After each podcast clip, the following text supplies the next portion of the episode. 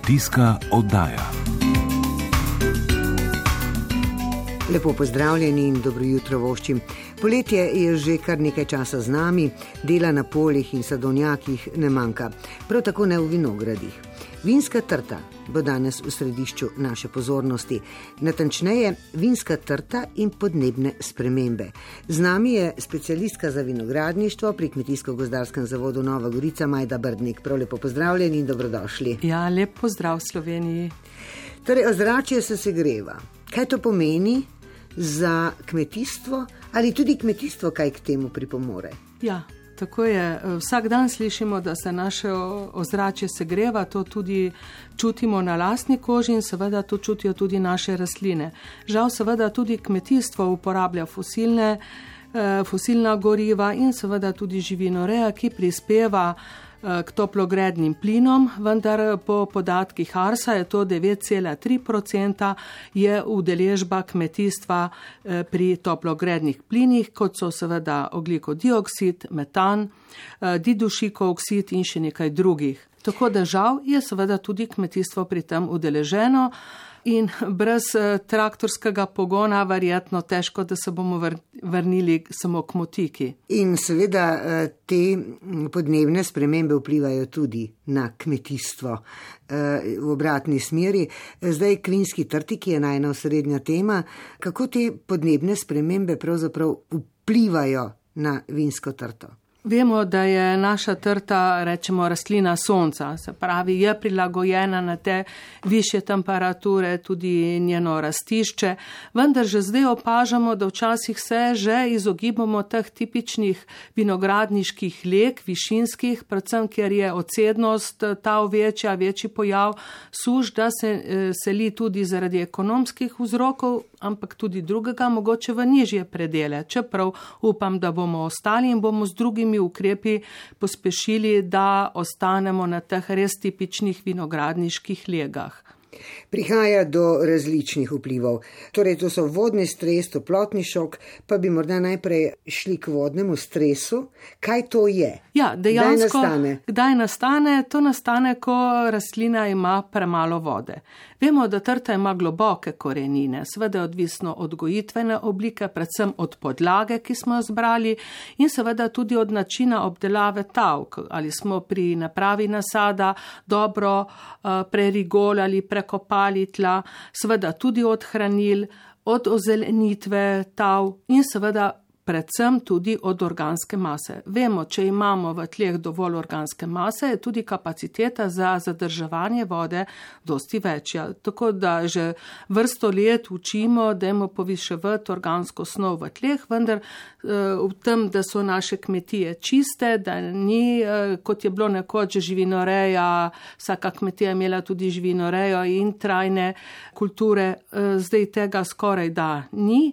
Eh, seveda si je treba pomagati potem na drugačen način dodajanja organskih snovi. Je pa res, da tudi više temperature tudi pospešijo hitreje mineralizacijo in uh, humifikacijo v tleh, tako da ja, je treba zavestno delati na tem. Konkretno, kaj je potrebno, bova malce kasneje. Ja. Kaj pa vodni stres pravzaprav povzroči trti?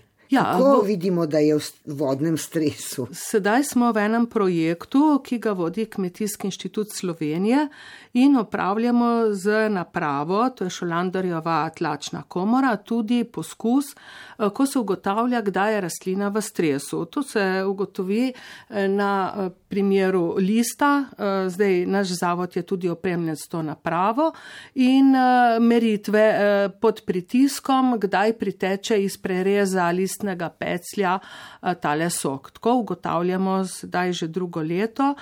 Projekt je potekal na krasu že tudi prej preko kmetijskega inštituta in se ugotavlja, kdaj začne pomankanje. Zdaj seveda kmetje si pomagajo tako nasplošno, vemo, če 3, 4, 5 tednov ni dežja, trta bo začela že to povešanje listov, potem tudi odpadanje spodnjih listov in tako naprej, lahko celo zgubi vse liste. Posebno, če je to tudi povezano še dodatno z visoko temperaturo, visoka transpiracija in rastlina ne more, posebno naprimer mladi vinogradi in tako naprej. Tako se pravi, vodni stres je skratka pomankanje vode v tleh oziroma v rastlini, eh, katero se da tudi meriti, da se pa, kot sem rekla, tudi, bom rekla, že tako po enem načinu opazovanja, tudi, naprimer, da se že list segreva, pa vidimo, da se pravi, se on ne več hladi. Podobno kot mi, kot ljudje, ko se potimo, ne, tudi se s tem hladimo, tako mhm. tudi rastlina. Od vodnega stresa zdaj k toplotnemu šoku, kar sicer samo po sebi že nekaj pove, ampak vendarle. Ja, toplotni šok so te iznenadne tudi visoke temperature, oziroma lahko tudi kontinuirano, da naraščajo. Doskrat pa se je tudi zdaj v preteklih letih zgodilo kar hitri preskoki. Ne.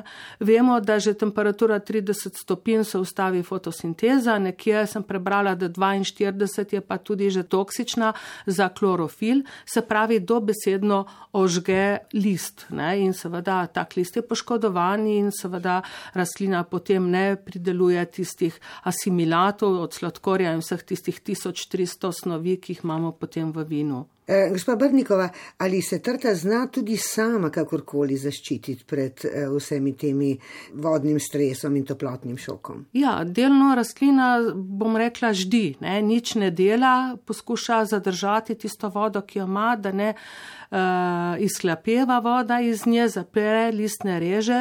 Tudi tukaj je pomemben tudi spet človek, naprimer vemo, kal je tak element, ki vpliva na zapiranje, odpiranje listnih rež, ampak rastlina seveda se sama zaščiti.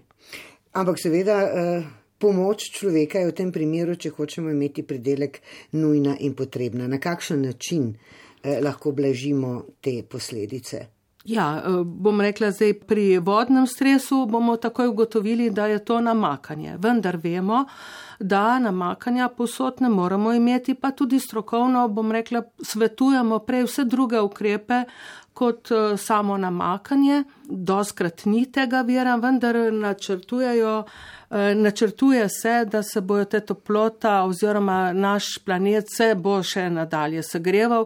Do zdaj v svetu so še vedno povodni tiste, ki povzročajo več škode, vendar v nadaljnih desetletjih pa bo suša tista, ki bo odnašala eh, naš pridelek in s tem tudi povzročala lakoto.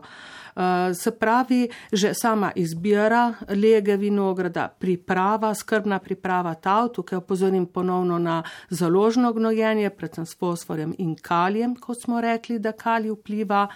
Zveda že vnos tudi organske snovi, izbira ustrezne podlage, pa tudi seveda sorte za določeno lego in predvsem potem skrbeti za to organsko snov in ne nazadnje seveda tudi obremenitev vinske trte, ne? da ne pretiravamo s pridelkom, ker potem sigurno so vsi ti tako vodni kot toplotni eh, stresi na rastlini še bolj očitni in vidni. Smo že kar nekje na sredini poletja, bi lahko rekli kako bi ocenili eh, stanje, da nima letošnje, seveda tudi spomladansko in potem veliko dežja je bilo, bo to pripomoglo k mm. temu, da ne bo vodnih stresov.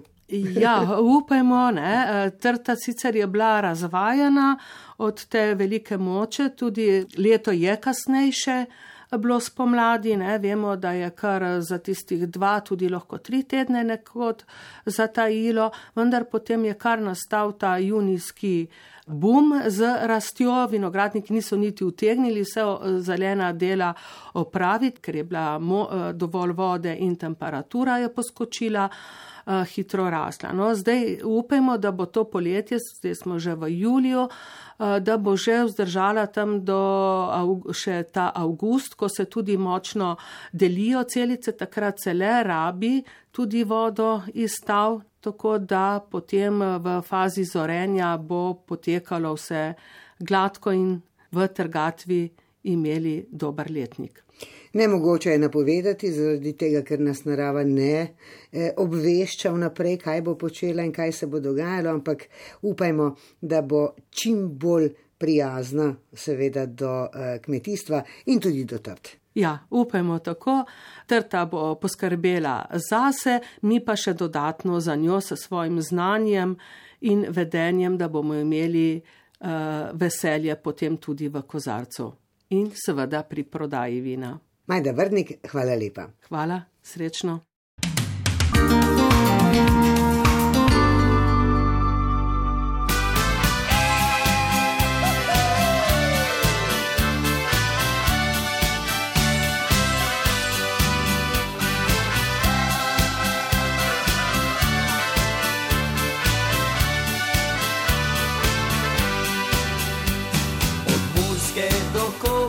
So krive poti, najlepša dekleta slovenskih vasi. Je štajer kazala, primorka je vrak, v tako dekle bi zaljubil se vsak. Smo fantje pošteni, dežele ponos, na svetu tem širnem nam takih nikos. Vedo to dekleta iz naših vasi prespale so dolge noči. Ni važno, kam jutri popilje nas pot, mi ljubice svoje imamo posod. In danes smo tukaj, a jutri kdo ve, katera od naših bo srečno tekle.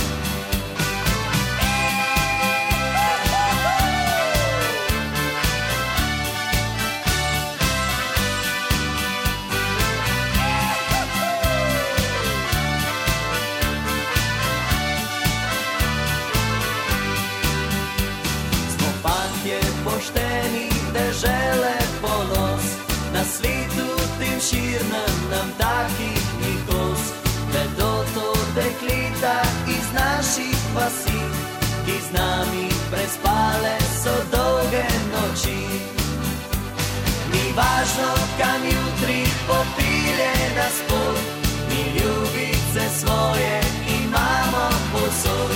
In danes smo tukaj, a jutri kdo ve, katera od naših bo srečno dekle.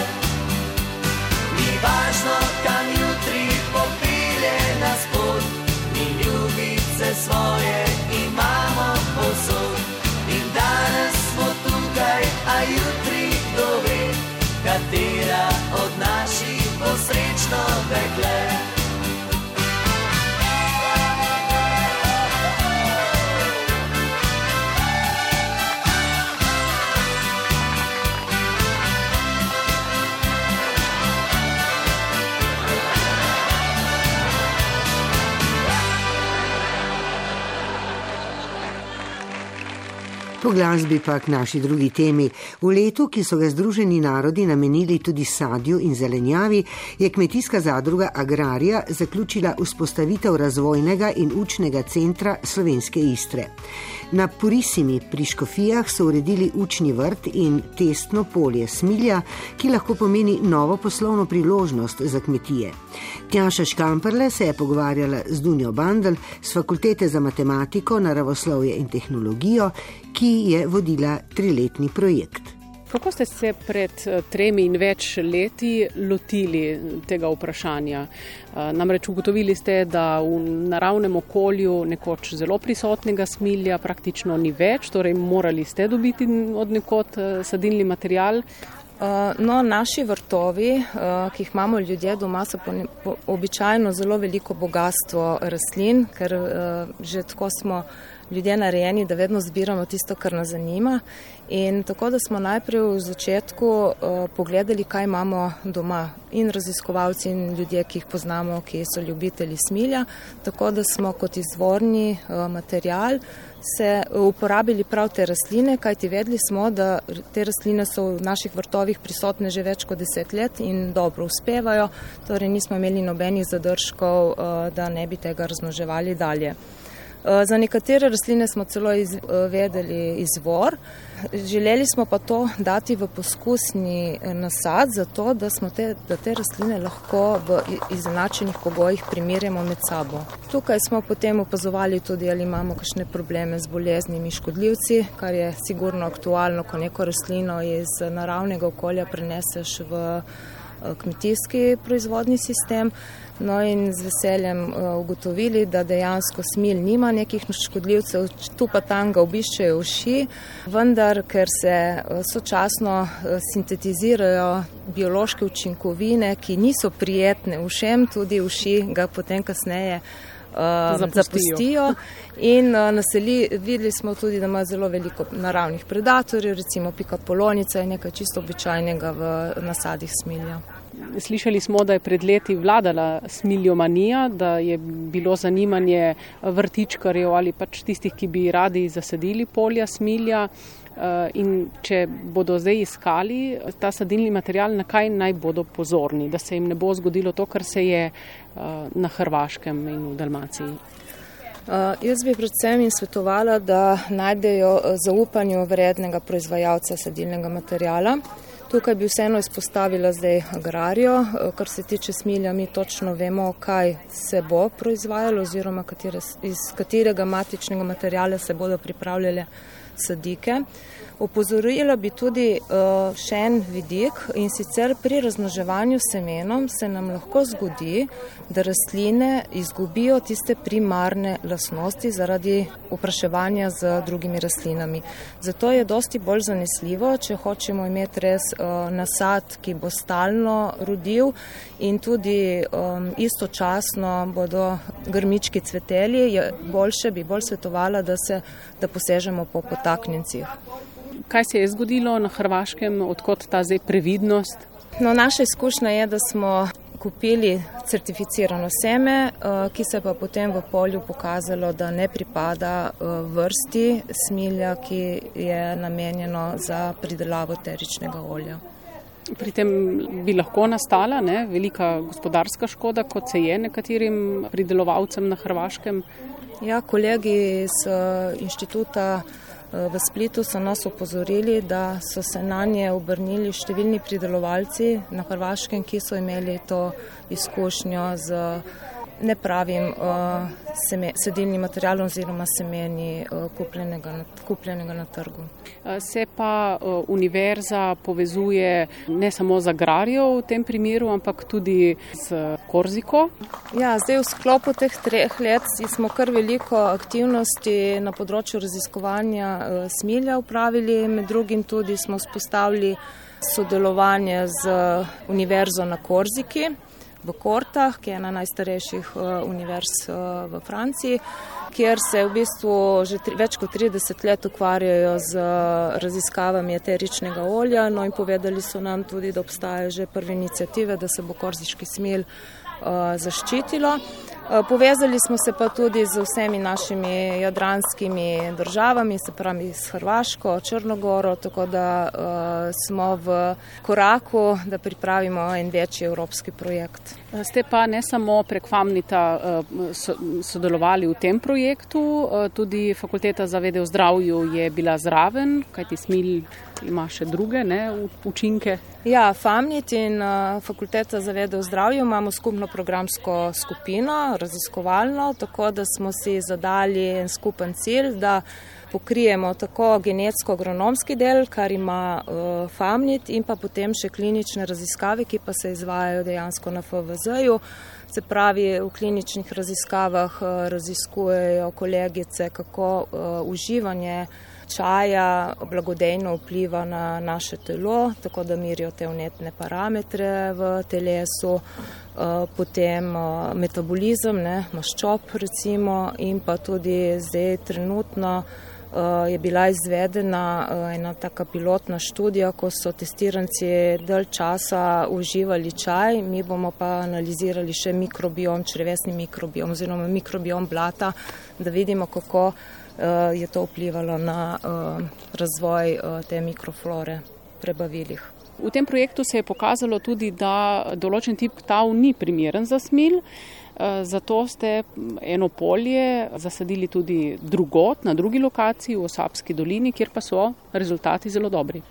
Tako je. Eh, izbira tav je v bistvu ena ključnih pri gojenju smilja. Se pravi, smilj eh, v naravi raste v peščenih in skeletnih eh, tleh. Tukaj pri nas imamo pa srednje težka tla, zato recimo kakšne lege, kjer so tla zbita imajo slabo strukturo, res niso primirna. Se pravi, upoštevati moramo, da tla mora biti dobro propustna za zrak in pa za vodo. Tako smo recimo v OSPO gotovili, da so sadike eh, v enem letu eh, dohitele nasad, ki je bil na neprimerni eh, legi, tri leta. Ne. Tako da to je res zelo pomemben dejavnik izbira ustreznih tav. Toliko smo pripravili za danes. Imejte prelepo nedeljo in teden, ponovno se slišimo v nedeljo. Dotlej Seveda želimo vse dobro, Ingrid Kašca Bucik in Igor Valentinčič. Pa srečno.